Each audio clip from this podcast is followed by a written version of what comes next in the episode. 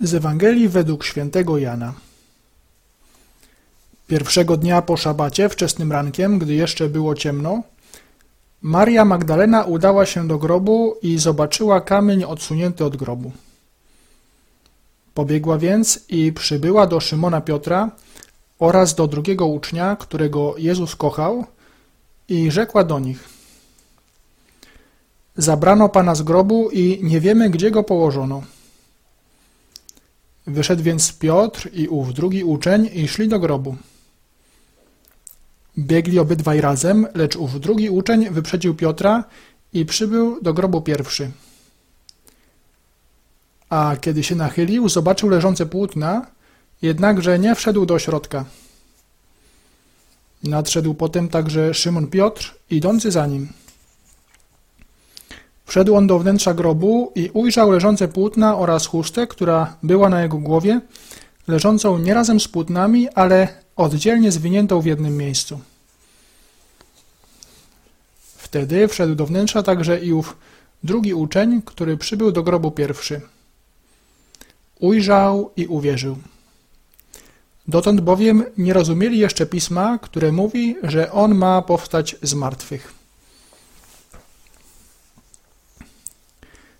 Tych dniach dzieje się coś niezwykłego, coś nowego, coś, czego jeszcze nigdy nie było. Święte niewiasty, uczniowie, Piotr i Jan, pozostali apostołowie byli świadkami straszliwej męki i śmierci Pana Jezusa.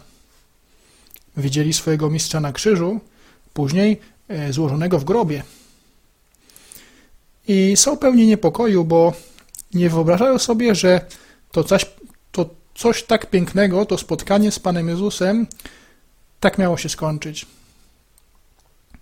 I rzeczywiście, ten poranek zaskakuje, dzieje się coś nowego, coś niespodziewanego. Święte niewiasty przynoszą wiadomość, że grób jest pusty i od razu Piotr i Jan idą do grobu, więcej biegną.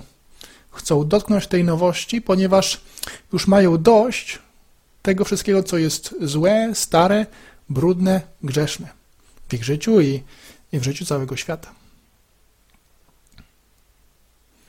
Ostatnio na łamach czasopisma Scientia et Fides, poświęconemu relacjom wiary i rozumu, ukazał się ciekawy artykuł lekarza, który oprócz praktyki lekarskiej i badań w swojej dziedzinie zajął się także analizą całunu turyńskiego. I ten lekarz opowiada, że czytał różnego rodzaju opracowania i myślał na własną rękę na ten temat.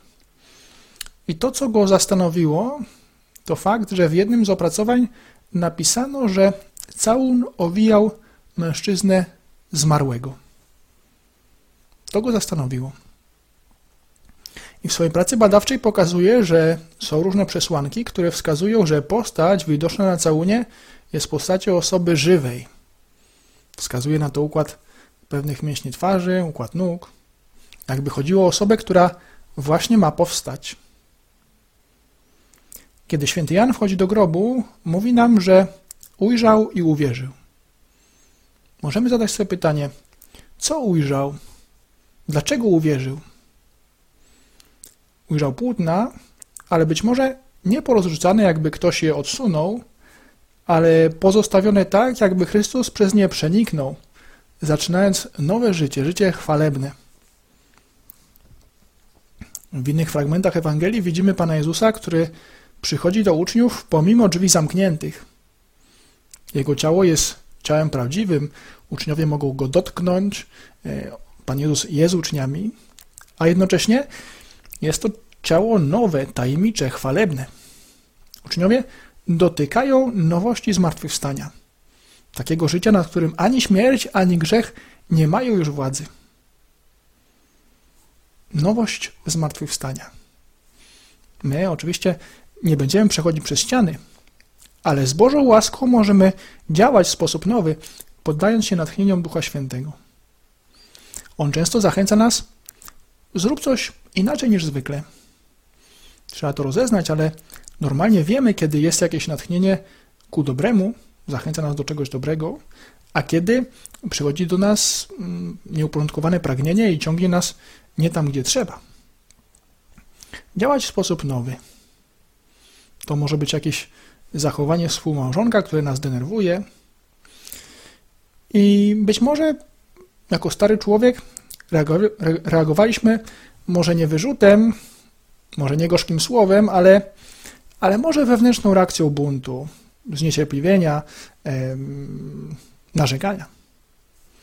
Teraz, dzięki mocy zmartwychwstania, możemy działać w sposób nowy.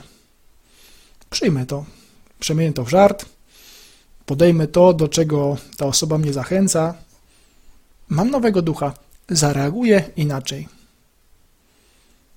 W nowy sposób będę świętował. Może wcześniej podczas świętowania było obżarstwo, nieumiarkowanie w jedzeniu i piciu. Oczywiście trzeba też świętować ciałem. To dobrze, że na naszych stołach są baby, mazurki i inne łakocie. Chrystus zmartwychwstał. Ale może skupmy się przy wielkanocnym stole na tej bliskiej osobie. Wysłuchajmy jej, opowiedzmy coś budującego i wtedy też te smakołyki też nam sprawią radość, ale to będzie radość głębsza, dlatego też, że to będzie okazja do spotkania z osobą, do dawania siebie, do otrzymywania. Możemy pomyśleć w tym kontekście o każdym naszym działaniu. Możemy działać po staremu, albo też otworzyć się na moc zmartwychwstania i wszystkie rzeczy czynić na sposób nowy, ponieważ Chrystus zmartwychwstał. Żyć radością zmartwychwstania możemy zawsze, także w tych trudnych okolicznościach. I żyjemy tak, czerpiąc ze zmartwychwstałego i działając na nowy sposób.